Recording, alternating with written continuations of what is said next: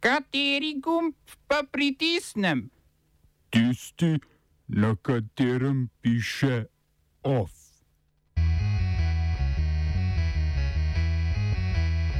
Izrael potrdil novo vlado, ki jo vodi Naftali Bennett. Voditelji držav G7 spregovorili o podnebnih dogovorih in ukrepih v času pandemije. V Španiji se je proti pomilostitvi katalonskih separatistov zbralo 25 tisoč ljudi. V kreativni inšpekciji na območju Bežigrajske jame je zrasel ustvarjalni laboratorij Krater.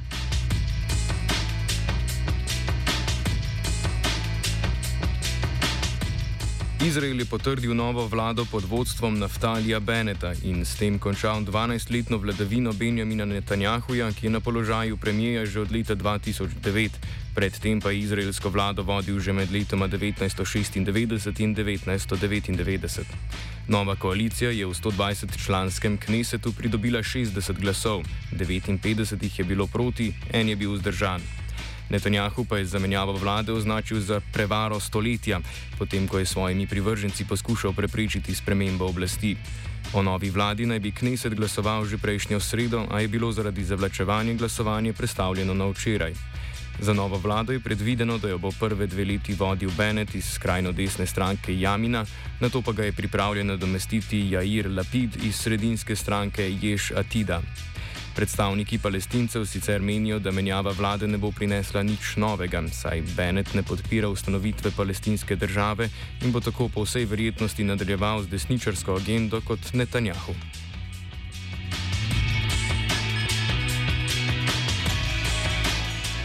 Danes poteka srečanje NATO v Bruslju. Prvo post-Trumpovsko srečanje bo minilo predvsem v glajenju sporov in okrepitvi vezi med državami. Kot eno izmed najpomembnejših tem je izpostavljeno načrtovanje in uskladitev umika iz Afganistana, odnosi s Kitajsko in skupno odzivanje na kibernetske napade. Spore se pričakuje predvsem pri kitajskem vprašanju in pri vprašanju načina povečanja skupnega financiranja NATO. Srečala se bosta tudi turški predsednik Erdoğan in ameriški predsednik Biden. Danes pa naj bi istočasno z NATO-vo potekala v Erbilu tudi konferenca kurdskih organizacij, ki so želele opozoriti na vojaške operacije v iraškem Kurdistanu, a je bila odpovedana potem, ko je, bilo, ko je bil udeležencem prepovedan vstop v Irak. Več v offsajdu ob 17. uri.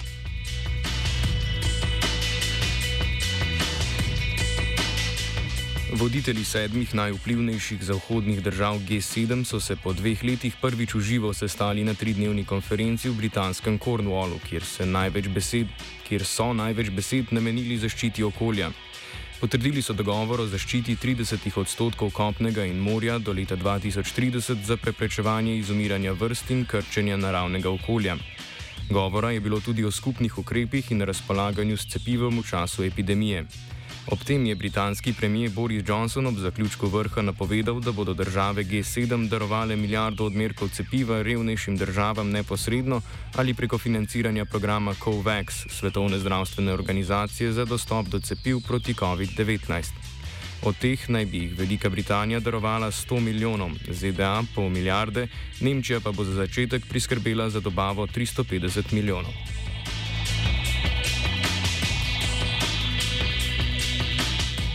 Nazoče države članice so spregovorile tudi o kitajski in običajni litaniji pripomb, s katerimi države G7 tudi ob drugih priložnostih naslavljajo azijsko vele silo. Ameriški predsednik Joe Biden je ostale voditelje pozval k enotnejšemu sodelovanju, da bodo lahko skupaj ekonomsko konkurirali Pekingu, tam pa je G7 že obtožil vmešavanja in manipulacije kitajskih pravic. Na srečanje voditeljev je bil povabljen tudi južnokorejski predsednik Moon Jae-in, ki je podprl nabavo cepiv z donacijo COVAX-u v višini 165 milijonov evrov. Južna Koreja se je tako že drugič udeležila srečanja držav G7, na zadnje je bila povabljena leta 2008 na srečanje G8 na Japonskem.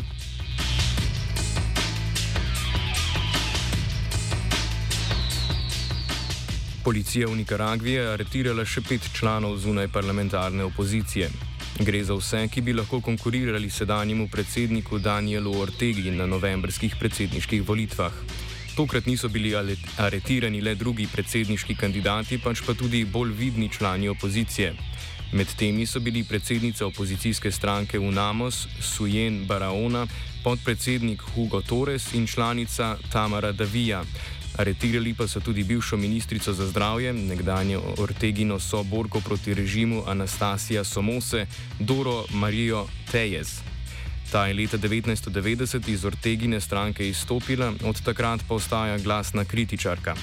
Samo v tem mesecu je bilo aretiranih ali pa diskvalificiranih že skoraj ducat možnih političnih kandidatov, izprašali pa so tudi nekaj novinarjev.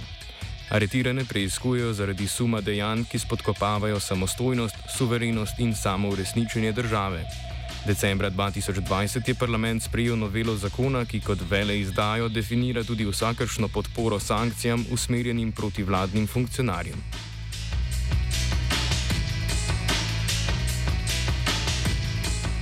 V Madridu se je na protest proti načrtu vlade za pomilostitev katalonskih separatistov zbralo približno 25 tisoč podpornikov desnice.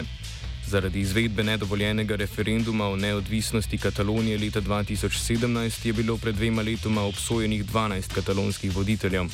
Od teh jih je bilo 9 zaradi svoje vloge v nezakonitem referendumu obsojenih na zaporno kazen od 9 do 13 let, trije pa so bili kaznovani zaradi neposlušnosti, a jih niso zaprli.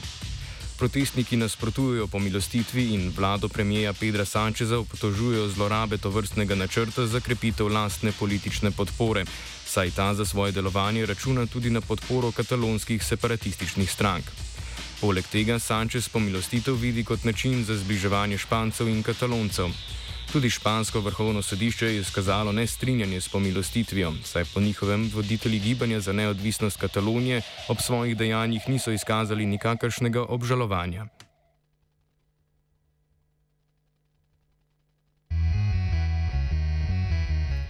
Na Goranskem polju v bližini Konic v Južni Bosni in Hercegovini se je na protestu zbralo na tisoče domačinov in aktivistov, ki želijo preprečiti začetek gradnje malih hidroelektrarn na reki Neretvi.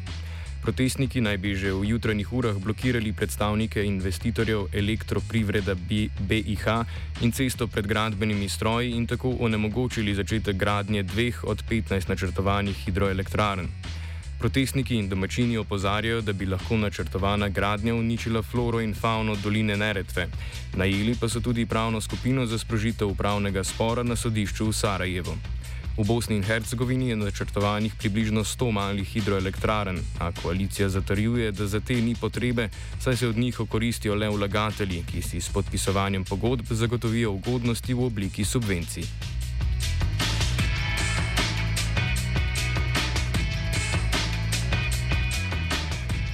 Nekdanja člana ameriških specialnih sil Michael in Peter Taylor sta bila strani ZDA izročena Japonski, kjer ima bo sojeno zaradi obtožbe pri sodelovanju v slovitem pobegu nekdanjega direktorja Nissana Carlosa Gona.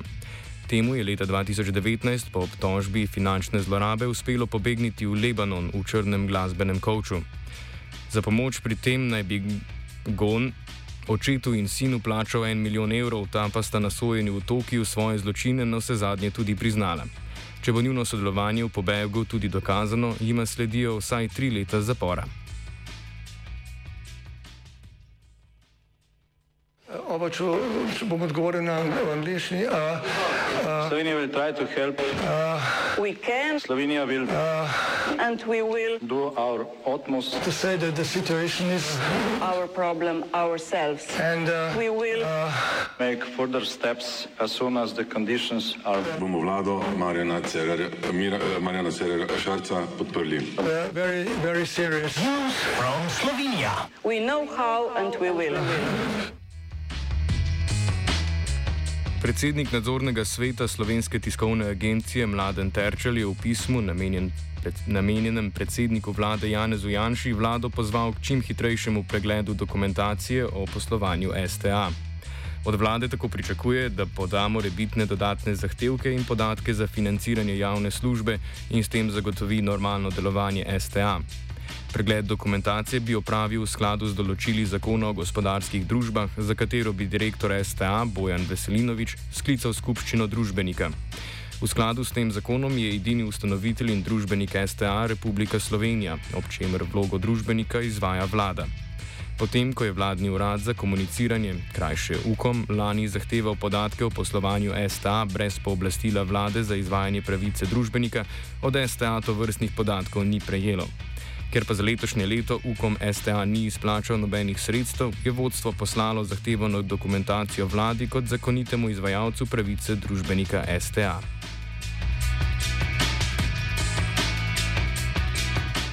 Ovsta pripravili vajenka Hanna in ne vajenka Lucija.